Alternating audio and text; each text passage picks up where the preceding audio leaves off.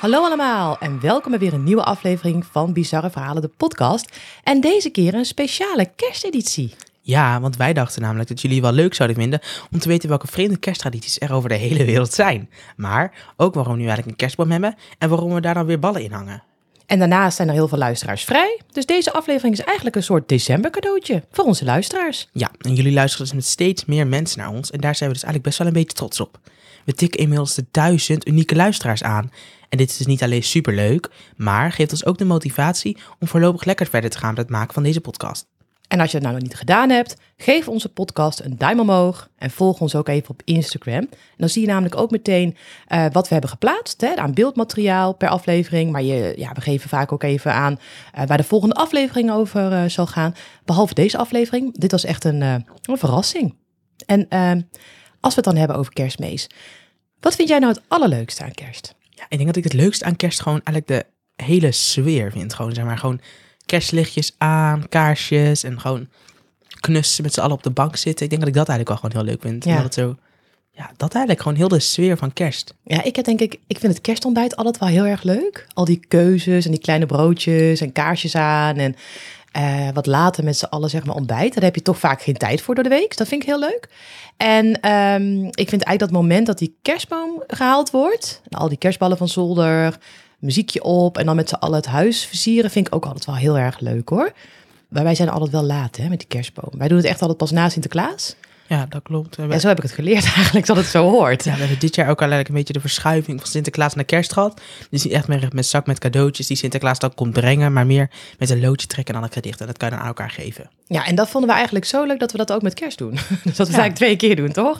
Maar dan ook nog wel wat cadeautjes onder de boom. Ja, maar dan weer niet heel veel cadeautjes. Zeg maar niet, ja, dat eigenlijk niet Nee, heel, ja. Gewoon een Gewoon een beetje voor de gezelligheid. Het ziet er ook heel gezellig uit, toch? Onder zo'n boom. Ja. En heb jij dus enig idee hoeveel geld eh, de gemiddelde Nederlander uitgeeft aan kerst? Nee, eigenlijk niet. Ik neem aan dat dat heel erg verschilt per eh, gezin. Ja, nou wij Nederlanders zijn dus wel het meest zuinig op cadeautjes. Ehm, want we geven namelijk het minst uit van alle westerse landen. Ja, maar wij vieren natuurlijk wel Sinterklaas ook, hè? Dus kijk, wij zijn natuurlijk het enige land wat ook, of tenminste, ja, België doet ook wel, ook wel iets aan Sinterklaas natuurlijk, maar ja, andere landen vieren natuurlijk echt alleen kerst. Ja. Wij hebben twee keer. Ja, dat is natuurlijk wel dubbelop. Ja, niet iedereen viert het natuurlijk twee keer. Hè. Vaak, volgens mij maken heel veel gezinnen ook wel een keus. Wij doen het met kerst of wij doen het met Sinterklaas. Ja, dat denk ik ook wel hoor. En wij hebben nu eigenlijk ook het een beetje met kerst dus voor dit jaar voor het eerst. Ja. En dan wel een klein cadeautje met die loodjes dan met Sinterklaas. Ja. Dus ja, helemaal, het is niet twee keer. Veel mensen doen het niet echt twee keer heel uitgebreid. Nee, dat denk ik ook hoor. Ja. Maar Nederland geeft dus eh 600 euro uit per huishouden gemiddeld. En dat is dan voor eten, drinken, cadeautjes en decoratie. En ik weet dus niet of dat ook nog voor kleding is, maar ehm, dat denk ik. Ik denk het niet. Ik denk dat dit alleen echt, zeg maar. Ik denk dat je de kleding, dat dat. Ja, dan zou het nog veel meer zijn, denk ik. Ja, want de meeste mensen kopen wel, ja, niet, maar niet voor Sinterklaas natuurlijk, maar wel voor kerst, toch? De eh, nieuwe kleding. Leuke kersttrui of gewoon iets met glitters of zo. Ja. Ja, je ziet dan wel echt hele kerstcollecties in de winkels ook hangen. Ja, Maar als je met een heel gezin nieuwe kerstkleding moet kopen, ben je ook al zo eh, een paar honderd euro kwijt. ja, ja. ja, dan kun je natuurlijk wel zo duur maken als je zelf wil. Maar toch, dat is best wel een, eh, ja, Ja, en in Canada geeft ze dus het meeste uit, namelijk zes, ruim 1600 euro per huishouden. nou, ik vind dat best wel veel. Want dat is, is een gemiddelde dus. Dat betekent dus dat je gezinnen hebt die 300 euro uitgeven en gezinnen die 3000 of 4000 uitgeven. Ja, dat is wel veel hoor. Zes, ja. 4000 euro alleen maar naar kerst. Ja, maar ik moet wel zeggen, in sommige landen heb je natuurlijk hele grote huizen, veel meer. En de versiering is ook veel meer dan hier. Ja, dan ben je niet voor een paar tientjes kl- klaar met een paar lichtjes, toch? Amerika is volgens mij ook al goed duurder dan Nederland, toch? Nee, dat weet ik niet. Dat denk ik Oh. niet. Nee. Maar, Maar ik- heel veel grote huizen en vaak doen mensen aan de buitenkant van een huis ook helemaal met lichtjes versieren. Ja. Nou ja, en dat zie je wel steeds meer in Nederland ook, toch? Dat er steeds Ja, meer hele grote wordt steeds versieringen- groter wel. Ik zag vandaag een filmpje, dat vond ik heel grappig. Daar hadden ze dus een hele straat met minions versiering. Maar gewoon eerder op grote, opblaasbare Heb je dat ook al gezien volgens mij? Ja, maar de ene stonden er dan tien en de andere waren er zes in de auto. En dat vond ik ook heel leuk. Toen dacht ik, zullen we dat volgend jaar uit de straat doen? Gewoon een hele Dat zou wel minionstraat. gezellig zijn. Ja, nou, het schijnt dus ook wel zo te zijn dat naarmate je ouder wordt, minder om cadeaus gaat geven, maar meer om het samen zijn. En ja, Ja, dat vind ik eigenlijk ook alweer logisch. Maar want kinderen kijken natuurlijk ook meer uit naar cadeautjes dan volwassenen, denk ik, over het algemeen wel, toch? ja dat, dat denk ik ook wel inderdaad. En ouder, als je ouder wordt, heb je ook alles toch op een gegeven moment. Ja. Ja, ik vind het ook altijd heel grappig wat voor onderzoeken er gedaan worden rondom kerst. Zo wordt er bijvoorbeeld onderzoek gedaan naar het geven van cadeautjes, kerstmuziek, et cetera. En wat blijkt? Mannen vinden cadeautjes geven minder belangrijk dan vrouwen. En ook vinden mannen Sinterklaas een vervanger voor kerst of andersom. Terwijl vrouwen dat dus niet zo zien. Hè? Vrouwen die zeggen dus, nou, als je Sinterklaas viert, kun je ook gewoon kerst vieren of andersom.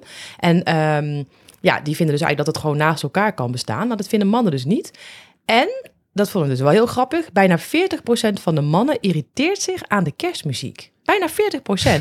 Terwijl vrouwen zich dus meer... veel. Ja, Dat is de helft. ja, en vrouwen die irriteren zich dus meer aan kerstmannen in winkelcentra of kerstkaarten versturen. Het is apart, toch? Ja, maar die vrouwen, die kopen dan ook denk ik vaker de kerstcadeaus, denk ik, toch? Dus vandaar dan ook die irritatie. Ja, maar heb jij, heb jij, heb jij irritatie aan kerstmannen? Ja, jij bent een man natuurlijk. Maar ik vind het wel een grappige irritatie. Dat vrouwen dus zich... Maar dan denk ik inderdaad dat vrouwen meer aan, om die die cadeautjes... heel lang in een winkelcentrum. Ja. Die komen natuurlijk meer dat soort mensen tegen. Volgens mij regelen vrouwen sowieso dat meer. Ja, Al die, zeker met gezinnen en zo, denk ik. Denk als je een stelletje bent, dat dan nog wel gewoon hè, de een voor de ander. Dat maakt allemaal niet veel een uit. beetje. Maar ik denk bij gezinnen dat toch wel vaak de moeders al die cadeautjes regelen. En dat vaders denken, huh? Oh, wat heb je dat ook gekocht? Hij weet vaak helemaal niet wat er onder die boom ligt, denk ik. Dat denk ik serieus, maar goed. En vandaar dus die irritatie. Maar waarom die mannen zich dan zo irriteren aan die kerstmuziek, dat, eh, dat weet ik ook niet. Het begint vaak al wel heel vroeg, hè, die kerstmuziek. Ja, Ehm, dan moet ik wel zeggen, als ik dan even terugkijk naar die kerstmuziek en die kerstmannen. Wij hebben heel veel alles echt in een bliksembezoek gedaan. Dus wij hebben geen kerstmannen gezien. nee. Helemaal niet. Nee, nee. Nou ja, goed. Nou ja. Misschien hebben we daarom geen eh, irritatie. Nou, misschien is het wel leuk om eerst even iets te vertellen over de geschiedenis dus van het kerst en het kerstvieren. Het is eh, natuurlijk een christelijk feest en we vieren dus de geboorte van Jezus. Maar hoe lang vieren we nu eigenlijk al kerst op de manier zoals we dat doen? En waar komt de kerstboom vandaan? Ja, en wat ik me afvroeg, waarom zijn er twee kerstdagen en niet maar één? Nou, dat heb ik dus ook even geprobeerd uit te zoeken, maar dat is nog niet zo heel eenvoudig eigenlijk. Ehm, ik las dat er rond 200 na Christus de geboortedag van Jezus vastgesteld werd, namelijk 25 december. En die datum is niet helemaal zeker en ook het jaartal niet, dus ehm, dat weten we eigenlijk niet helemaal zeker. Maar deze geboortedag werd dus in het begin helemaal niet gevierd. Pasen was wel een belangrijke feestdag, want dan werd de dood en de verrijzenis van Jezus gevierd. Uiteindelijk vonden de mensen het belangrijk dat ook de geboortedag gevierd zou worden en zo ontstond kerstmis. Maar dat was in het begin dus ook niet zoals wij het vandaag de dag vieren. Hè? Dus dat werd Nee. eigenlijk heel anders gevierd. En er zijn ook weer twee verschillende verhalen hoe kerst dan vroeger werd gevierd.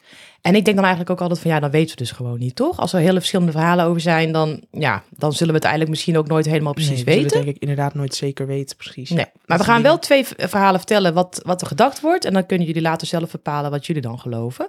Verhaal 1 is dat kerstmis ontstaan is rond 400 na Christus. En eigenlijk op twee plaatsen tegelijk. Dus namelijk in Rome en Jeruzalem. En het werd dus in eerste instantie ook op twee verschillende data gevierd. Namelijk 25 december werd het gevierd in Rome en op 6 januari in Jeruzalem. En vanuit beide steden verspreidde het feest zich naar de rest van het, ja, van het rijk eigenlijk, hè, van de wereld. Nou, een andere verklaring is dat er in de middeleeuwen een hoop verschillende feestdagen waren, die dus eigenlijk helemaal niks met de kerk te maken hadden. De christelijke kerk kreeg echter steeds meer invloed en wilde deze feestdagen koppelen aan christelijke feesten zoals Pasen, Pinksteren en Kerst. Zo waren in het begin wel twaalf kerstdagen, zegt men, met allemaal dus hun eigen thema. 12 dagen.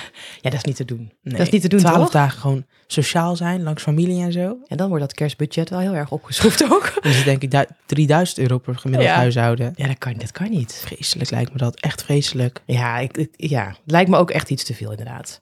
Nou, ik denk dus dat, mensen, dat meer mensen dat dachten. Want rond 18, 813 werd er dus bedacht om vier kerstdagen van te maken, van de twaalf. En ze zou de derde dag in het teken staan van de dieren gestaan. En de vierde dag in het teken van kinderen. Maar die vierde dag werd eigenlijk al vrij snel En afgeschaft. zo van de kinderen zijn niet belangrijk. Doe maar eventjes eh, klaar ermee. Uiteindelijk wilden de meeste landen in Europa niet meer dan twee kerstdagen. En zo ontstonden in 1815 de officiële eerste en tweede kerstdag. Maar er zijn dus ook nog landen waar ze kerst vieren op 6 januari. Bij ons bekend als de Drie Koningen. Nou, mocht je het dus interessant vinden, er is best wel informatie te vinden over de verschillende theorieën. En die spreken elkaar dan eigenlijk ook alweer behoorlijk tegen. Dus je, ja, je moet het eigenlijk even zelf gewoon helemaal goed doorlezen. Nou, dan kennen we natuurlijk nog andere kersttradities, zoals de kerstboom, kerstballen en natuurlijk de kerstman. En we denken er niet altijd over na, maar eh, wij zijn dus wel even in het ontstaan gedoken van deze gewoontes. En dan beginnen we even met de kerstboom. Want waarom hebben we nou eigenlijk een kerstboom met kerst? Het schijnt zo te zijn dat de allereerste kerstboom beschreven is in 1510.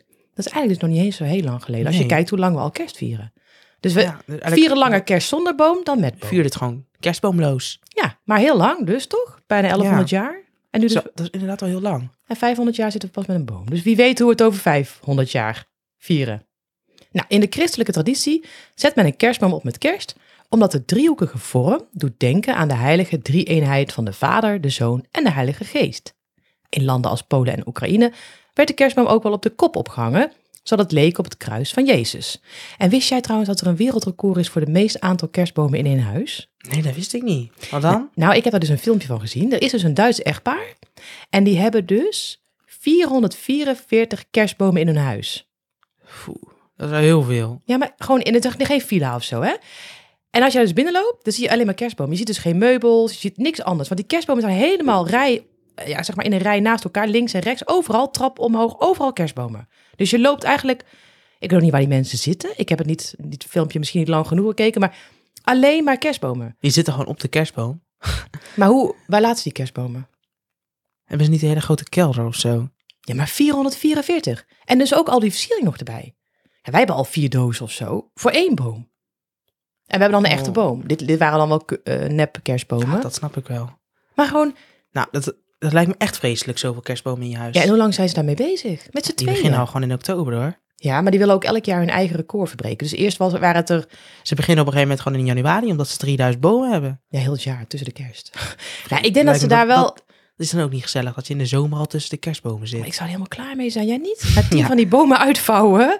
Met van die kunst moet je maar uitvouwen en dan in. Ja, Die mensen hebben echt eigenlijk een beetje geen leven. jij zou gewoon doorgeslagen. Een levensdoel is kerstbomen. Heb je, Ja. dat is, heb je wel een beetje een triest leven eigenlijk. Nou ja, als zij er heel erg van genieten. En, maar elk jaar verbeteren dan ook hun eigen record. Maar goed, ik zou zeggen, ga het filmpje eens bekijken. Google even op eh, ja, Duits echtpaar 444 kerstbomen. Dan kom je het vast tegen. En eh, nou, heel apart dus. Waarom hangen we nou lichtjes in de boom? Nou, het licht in de boom zou dus de zon symboliseren, naar aanleiding ehm, van de winterzonnewende. En na kerst worden de dagen weer langer natuurlijk. En eh, het zou dus ook staan voor het nieuwe leven, de geboorte van Jezus.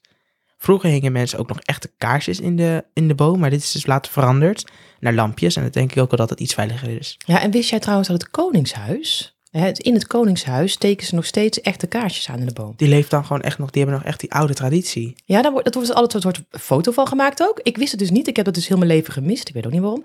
En dat doen ze dus op kerstavond. En er zijn meer mensen hè, die traditioneel gezien die kerstboom pas opzetten met kerstavond. Eh, niet zo in oktober zoals sommige mensen. Maar dan zie je dus zo'n foto van de, van de koning. En die kerstboom is ook helemaal niet eigenlijk heel bijzonder versierd. Er hangen geen ballen in en zo, alleen een paar van die slingers. En echte kaarsen, een stuk of twaalf. En dan zie je met zo'n hele grote lange stok, een soort hele lange aansteker van anderhalve meter of zo, steekt hij dan die kaarsen aan. Ik vind het heel apart. Ja, ik vind het ook wel apart. Maar goed, zij gaan daar, ja, zij gaan daar niet naast zitten natuurlijk, Nee, toch? natuurlijk niet. Dat is gewoon het fotomoment. Die, die bo- boom vliegt zo meteen in de fik hoor. Nee, dat is daar nog nooit gebeurd, denk ik. Ja, er zijn natuurlijk in het verleden wel heel veel bomen in de fik gevlogen. En vroeger had je dus, dat kreeg je dus eerst van die lampjes, dat weet ik nog wel. En die zagen dan uit als kaarsjes. Dus het waren dan best wel grote lampen. En dan, ja, echt zo, weet je wel. Maar die heb je toch nu ook nog, van die nepkaart vaccinelichtjes? Nee, maar het, zijn dan, het waren dan eh, zeg maar de, de kerstlichtjes zoals wij ze nu kennen, met een snoer. Maar dan best wel grote lampjes. En dan bovenop zat een soort vormpje van een kaarsvlammetje. Ja, ze hadden meer de vorm van echte kaarsjes. Maar als er dan één lampje kapot was, Dan deed het allemaal niet meer. Dat deed ze allemaal niet meer. Het was echt heel naar. Dus dan moet je alles gaan aandraaien en kijken waar het dan zat. En al die dingen natuurlijk in de knoop. Dat is nu nog steeds natuurlijk. Volgens mij worden ze gewoon in de knoop al geleverd in de verpakking. Ja, als ik ooit dus een, een nepkerstboom zou kopen, dan zou ik er eentje kopen waar de lichtjes al in zitten. Dat je gewoon alleen maar zo hop uitklapt en dat hij dan helemaal... ik vind nepkerstbomen toch niet hoor. Nee, maar stel Het dat is wel lekker om die dennengeur zo. Ja, dat is wel zo. waar. En ik vind het ook wel leuk dat ze zo imperfect zijn. Nu hebben we weer een hele... Vorig jaar ze een hele dikke boom. Zo'n hele kleine, dikke boom die enorm breed uitliep, toch? Ja, En nu hebben we een hele slanke. ja. Ik vind dat wel Hij is leuk. op dieet geweest denk Die ik. afwisseling, ja. Als we even de laatste bomen weer. Wij doen altijd pas na Sinterklaas. We heel Ja. laat.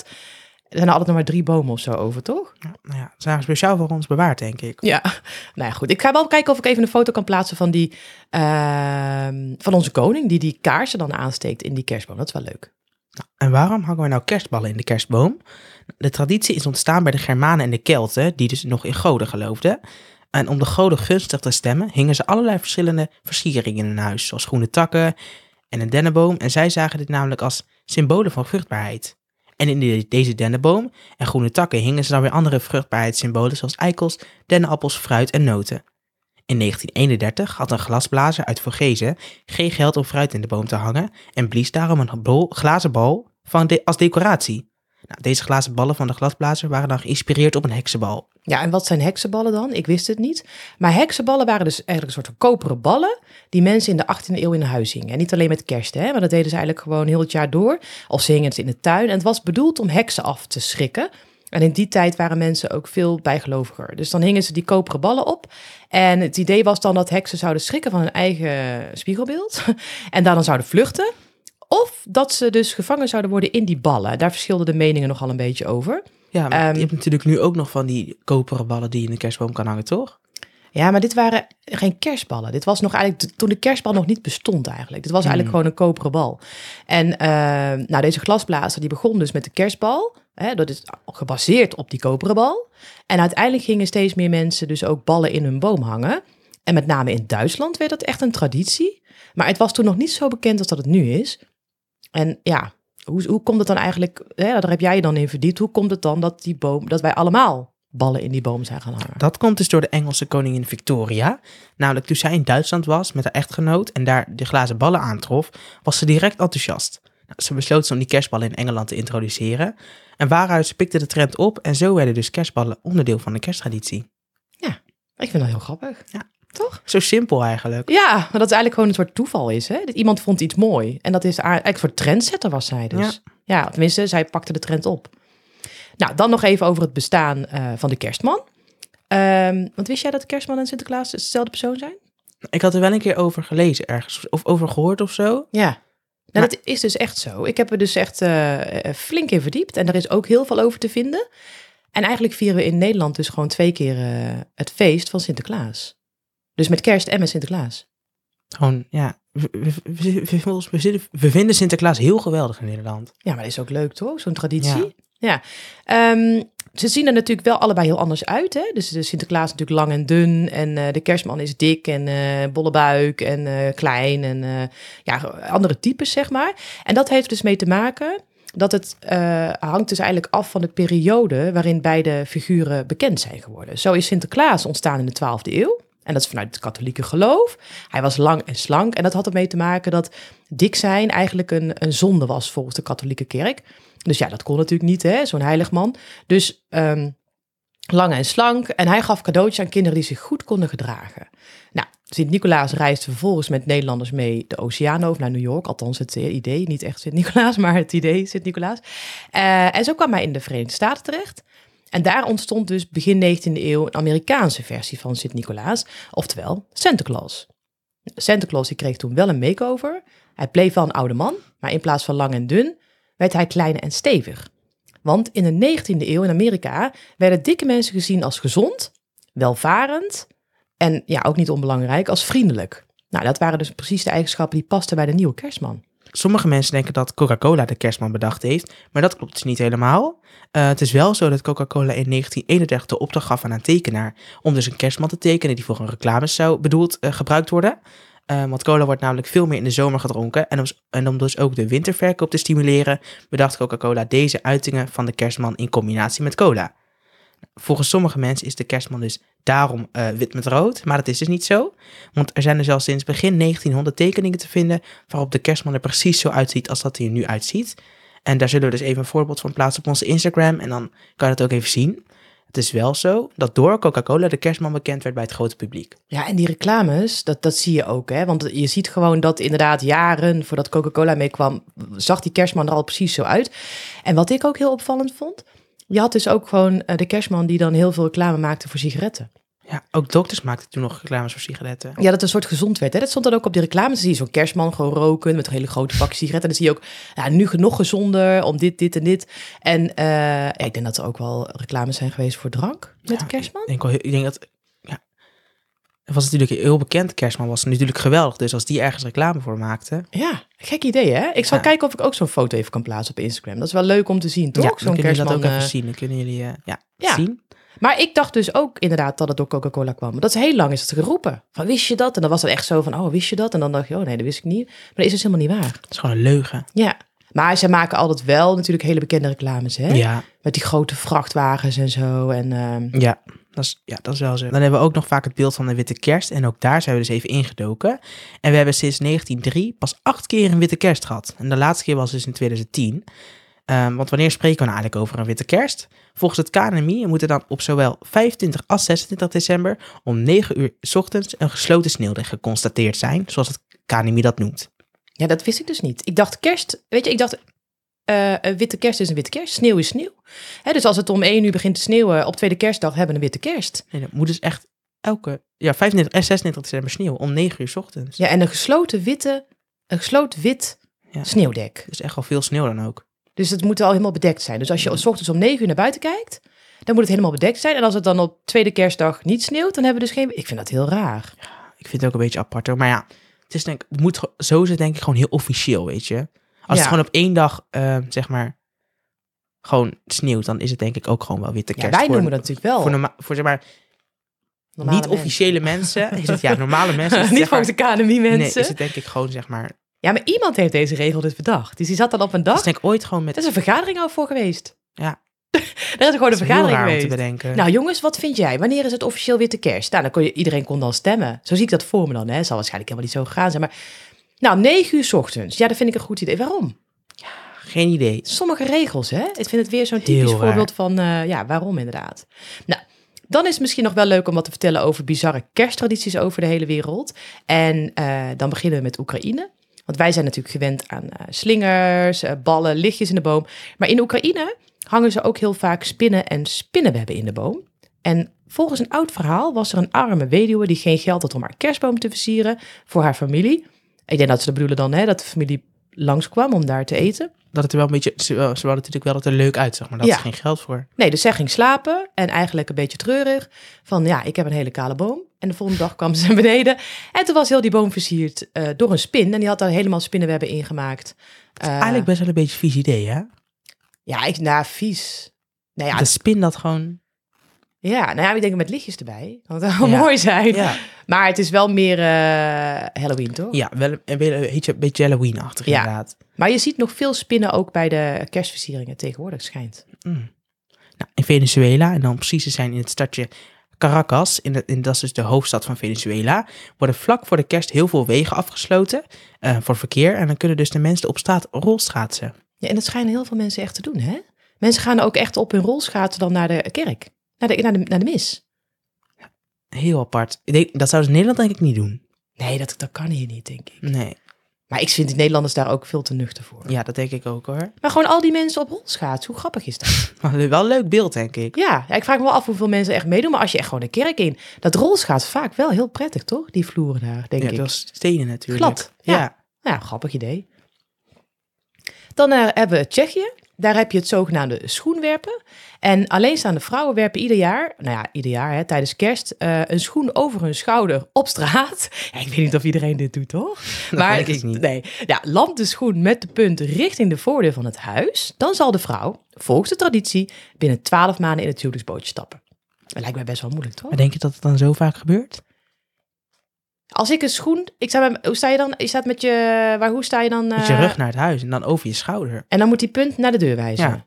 Dat, lijkt me heel, dat, lijkt, dat lijkt me heel moeilijk.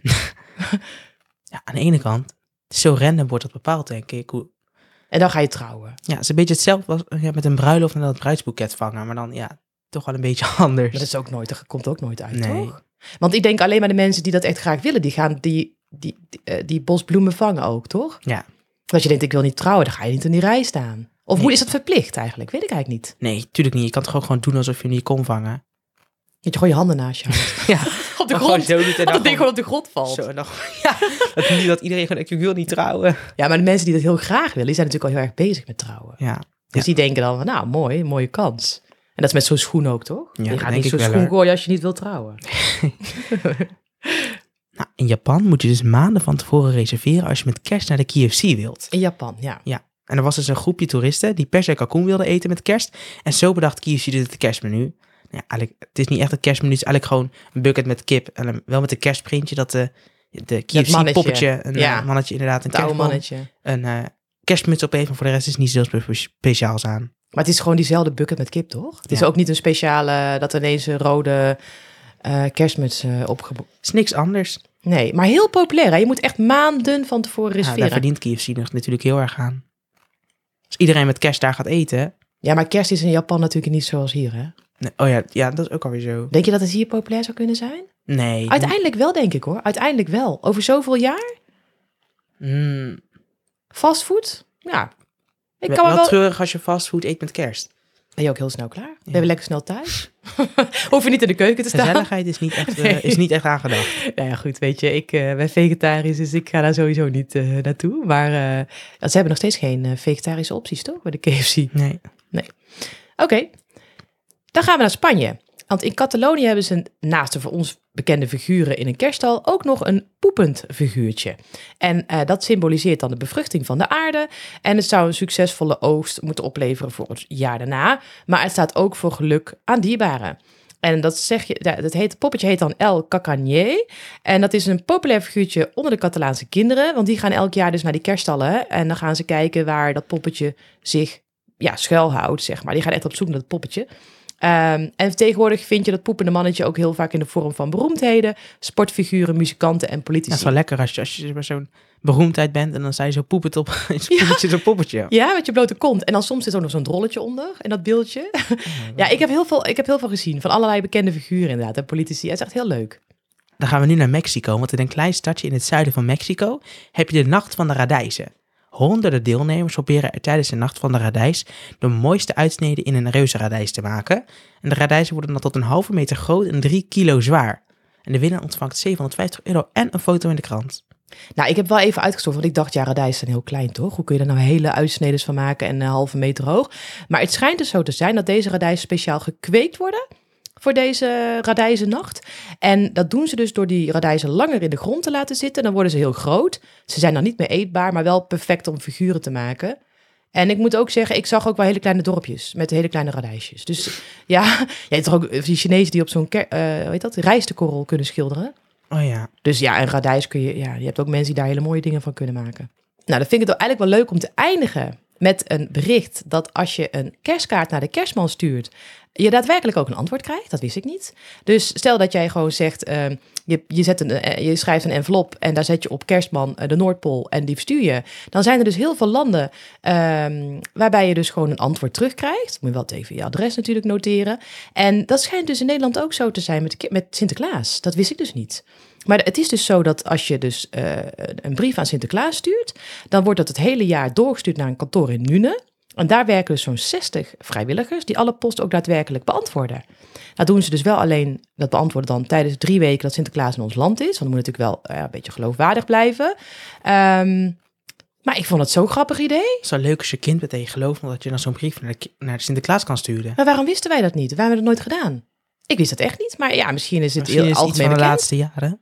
Nee, dat schijnt echt al heel lang zo te zijn. Want eh, eerst hadden ze bijvoorbeeld 20.000 brieven en nu nog maar 6.000. Er zijn ook kinderen die mailen, maar dan zeggen ze nee, dat antwoord niet. moet echt een brief zijn. Ja, dat snap ik wel. Dus ze gaan nog niet echt mee met een moderne... Nee, maar dat, ja, Het is ook wel leuker, Ja. hè? Een, een brief. Een mail is... Je kan, ik vind Sinterklaas, daar past ook geen mail bij, nee, toch? nee. Nee, dat vind ik eigenlijk ook.